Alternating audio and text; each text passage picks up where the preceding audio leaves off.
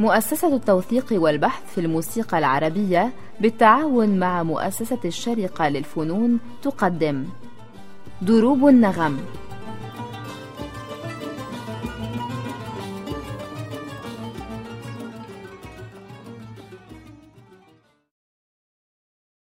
أصدقائنا المستمعين أهلا وسهلا بكم في حلقة جديدة من برنامج دروب النغم. نتناول فيها قالب الصوت. الصوت هو قالب قرأنا عنه في كتب العصر العباسي التي تتحدث عن الموسيقى. والآن هذا القالب بشكل يختلف بالطبع عما هو موجود في العصر العباسي يوجد في اليمن وفي بلاد الخليج العربي. في حلقتنا اليوم نركز الحديث على الصوت في الخليج العربي وتحديدا في الكويت. وهذه الحلقة حاور فيها الأستاذ كمال قصار السيد أحمد الصالحي المتخصص في هذا الشأن. طبعا الصوت ممكن أن يكون نوع غنائي يشمل صوت ويشمل أنواع ثانية لا تسمى صوت وأيضا الصوت إيقاع. فإحنا نتكلم أول شيء مثلا عن الإيقاع الصوت ثلاث أنواع أو أربع أنواع من الإيقاعات الصوت العربي ستة أربعة الصوت الشامي أربعة أربعة والصوت الخيالي وفي رواية ثانية صوت الخيالي. 12 ثمانية. سريع يعني. وأيضا في كقالب الصوت في فنون ثانية. لا تمارس إلا داخل جلسة الصوت فقط لكن هي مش صوت مثل الاستماع وأيضا الختام. فالاستماع هو أول غناء موجود في الجلسة قديما. ففي الجلسة أول شيء المطرب يمسك العود يدندن ويغني استماع. والاستماع نعرفه بأنه غناء يعني أغنية عادية لكن من غير أي مصاحبة إيقاعية. ممكن عود وكمنجة عود وكمنجة وقانون لكن ما في أي إيقاع. مع أن الغناء موقع يعني ما هو مش موال مثلا. وبعد الاستماع يغني الأصوات. طيب قبل ما ننتقل للأصوات سمعنا استماع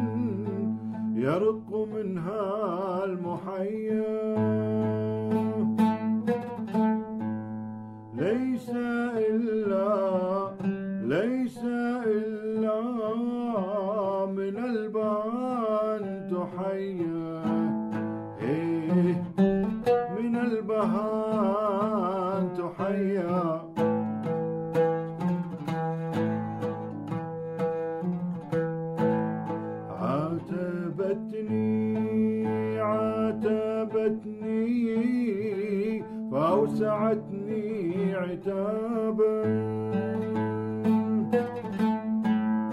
عاتبتني فأوسعتني عتابا.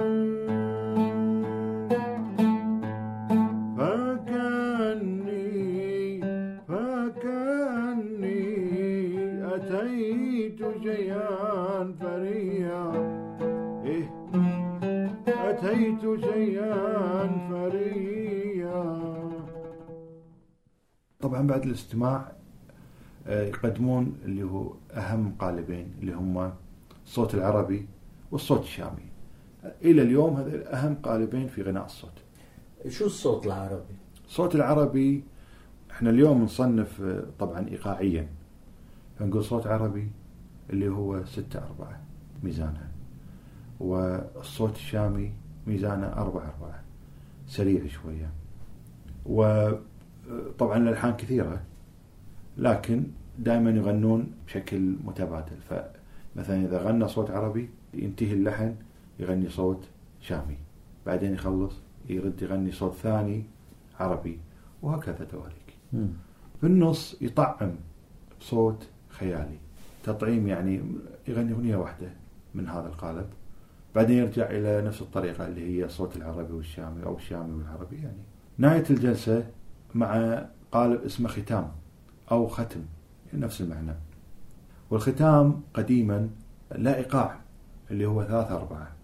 اليوم يعزف كصوت خيالي لكن قديما كان ثلاثة أربعة لا إيقاع خاص فيه ومسجل وموجود وموثق. قالب الختام عبارة عن لحن واحد فقط. هذا اللحن تغير عليه النصوص ممكن تغني عليه شعر محلي من النبط أو فصيح. أو يمني حميني أو يعني من أي شعر موجود ممكن يغنى على هذا القالب. لكن اللحن واحد.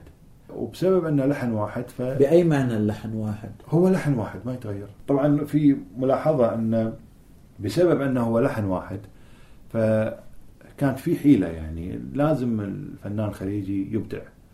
فكانوا التنويع على الأغلب طبعا في الأداء وقليلا في المقام. فنفس اللحن هو بالأساس بياتي يعزف حسيني أو يعزف حجاز. فيعني يحاولون يغيرون فيه أو يضيفون إضافات موسيقية لكن بالنهاية اللحن واحد. طبعا يفترض أن في إيقاع معي لكن يعني هو بالأساس معاه إيقاع.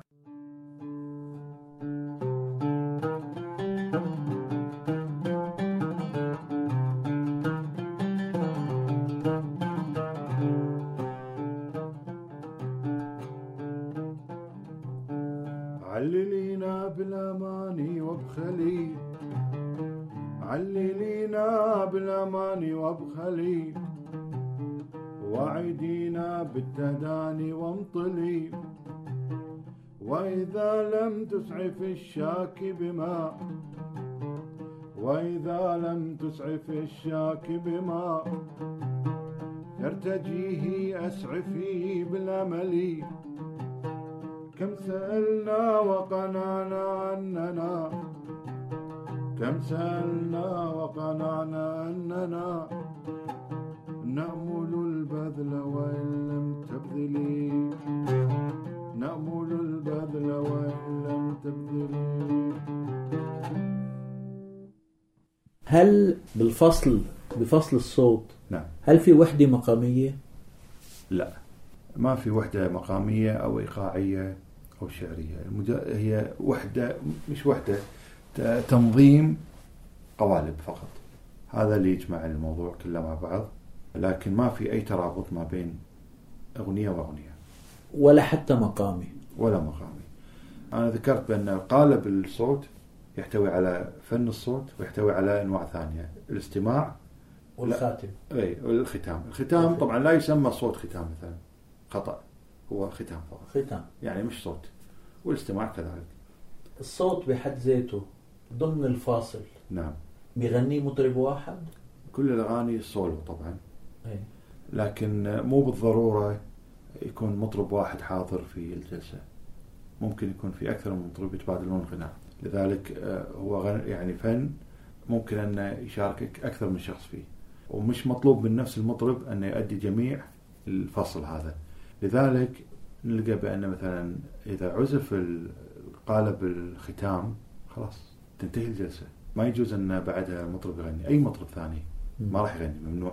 يعني كأن نقول تفضلوا على العشاء. خلاص آه. انتهت المسألة. هيدا الفصل قد إيه بيدوم بجلسة عادية. يعني أتصور ما بين ساعتين إلى ثلاث ساعات. طبعا الفصل يبتدي إحنا طبعا نتكلم عن التقليدي لأن اليوم غير. لكن نتكلم بشكل تقليدي أن استماع بعدين أصوات عربية وشامية هي اللي تطول الفصل.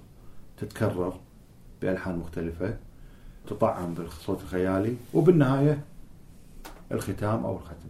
هو هذا شكل الفصل. لكن عدد الأصوات العربية والشامية مختلفة. ممكن تكون ثمانية كمجموع عام ممكن- تكون ستة سبعة يعتمد على مزاج الجلسة. نموذج عن الصوت العربي.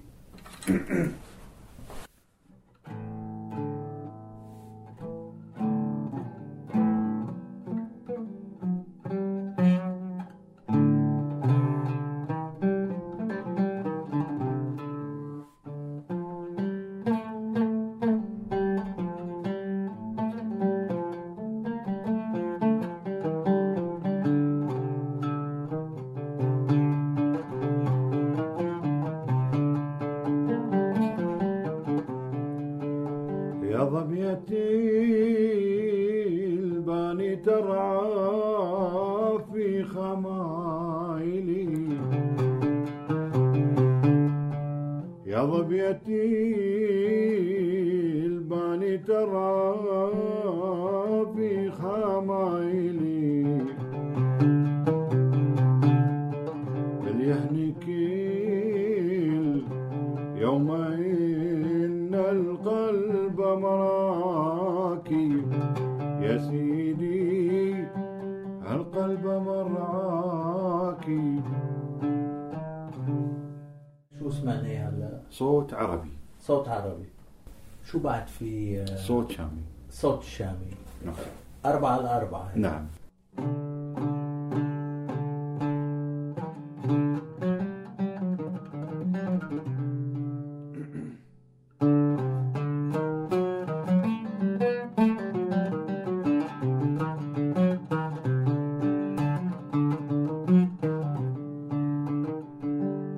يقول من بات ليلة البارحة سهران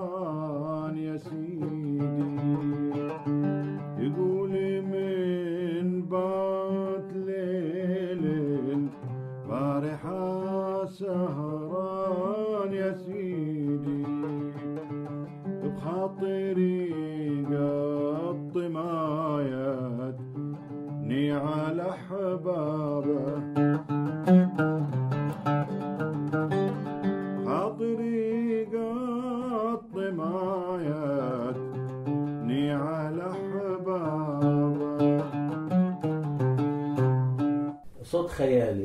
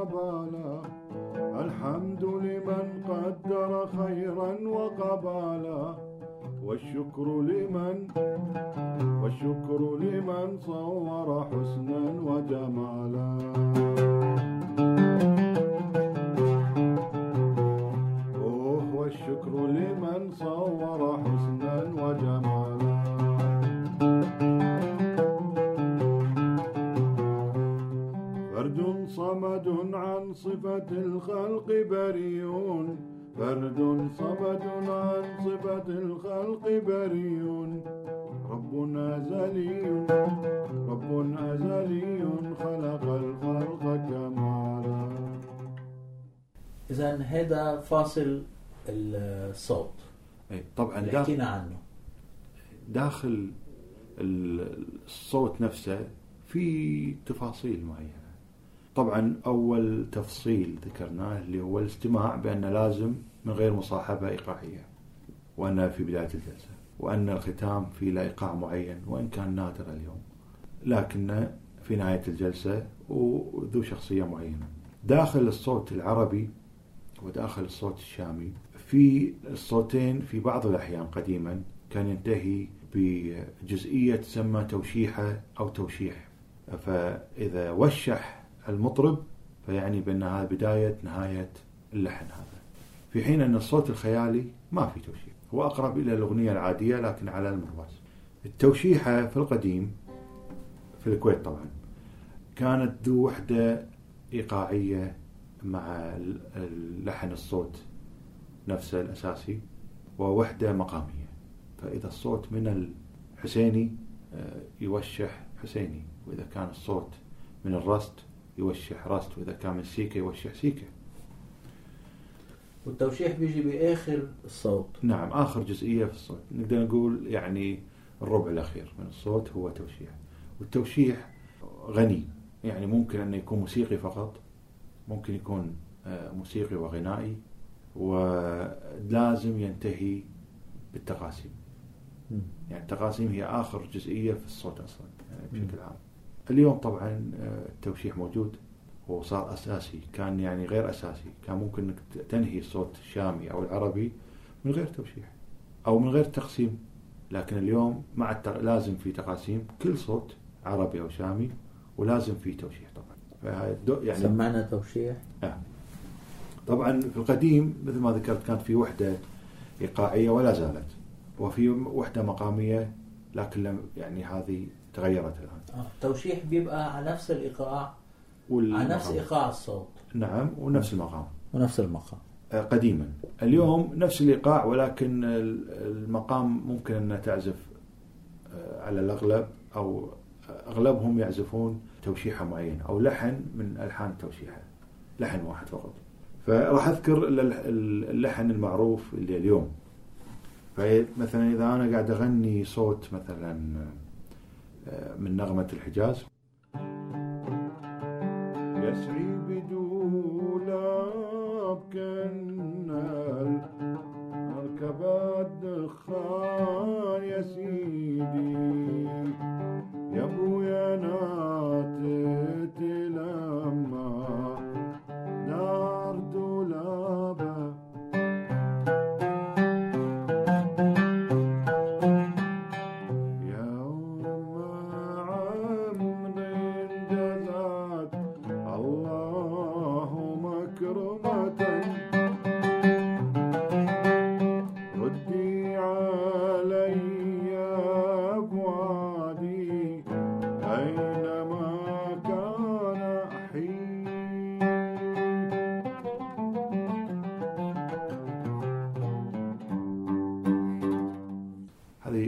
مقطع من الصوت بعدين انتقلت إلى التوشيحة يا عمرو مم. هذا الشامي. وفي لحن هذا اللحن المشهور اليوم للألحان الشامية نقدر نقول أو الألحان على قالب الصوت الشامي. وفي لحن آخر مخصص للصوت العربي. فراح نغني مثلا مقطع من صوت. نهاية الصوت. اي نهاية المقطع من الصوت ثم ثم- التوشيح. نعم. أيضا من الرست آه، تو سمعنا توشيحة للصوت الشامي من الرست والآن من الصوت العربي أيضا من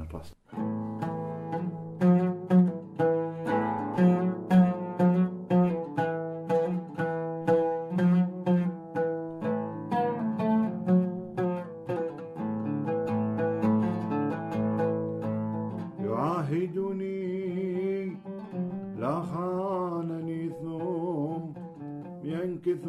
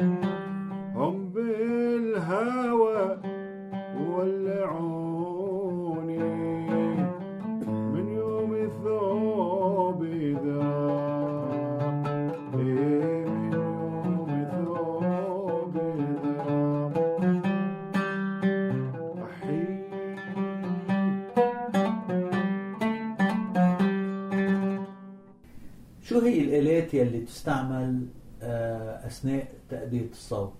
في آلتين آه، لازم تستعمل في أداء الصوت من غير وجودهم يعني الصوت لا لا يؤدى العود والمرواس اللي هو الطبل المخصص لغناء الصوت المرواس كيف شكله؟ المرواس آه، اسطواني الشكل مرقوم أو مغطى بالجلد من الجانبين ويحمل باليد ويضرب عليه باليد الثانية ولإظهار الدموم والتكوك الإصبع يتغير مكانه على على على الجلد في حين أن اليد الثانية اللي تمسك في الإيقاع أيضا تتحرك بحركة معينة بحيث أنها تساعد على الدم والتك يعني في تكنيك شوي معقد. في أداء ال- المرواس غير تقليدي نقدر. نقول أن طريقة الضرب على المرواس طريقة غير تقليدية يعني ما لها شبيه في يمكن العالم كله. هذا شيء. فلذلك الصوت لازم عود ومرواس من الممكن أن أضيف آلات ثانية. الكمنجة الناي القانون. هذا مباح. لكن عدم وجودهم لا يقلل من أداء الصوت. لكن عدم وجود المرواس معناته ما في صوت. طبعا أنا غنيت الآن على العود فقط وأي واحد راح يسمع راح يعرف أن هذا صوت من المستمعين لغناء الصوت. لكن إحنا ما نمارس هذا الفنون بهذا الشكل. لازم في مرواس يؤدى. فهذه الآلات المعروفة في الصوت. ما في إيقاع ثاني يدخل مع المرواس طبعا في في مرحلة ما نقدر نقول مرحلة أنا أسميها المرحلة المصرية في تاريخ الموسيقى الكويتية اللي هي الخمسينيات والستينيات قدموا بعض الأصوات مرواس ورق دف إحنا نسميه رق. لكن هذا مش موجود في واقعنا في الجلسات ما هو موجود طبعا. ولا هو صورة يعني حية لي. طيب هلأ لحتى ننهي الحلقة شو بدك تسمعنا؟ أي أسطوانة فيها صوت؟ عود ومرواس. من الممكن أن نسمع لأسطوانة سجلت على أسطوانة اللي اللي الشلك وسجلت على بلاستيك. هي نفس الأسطوانة. للمطرب حمد خليفة يغني صوت يا غصين البان. أستاذ حمد خليفة.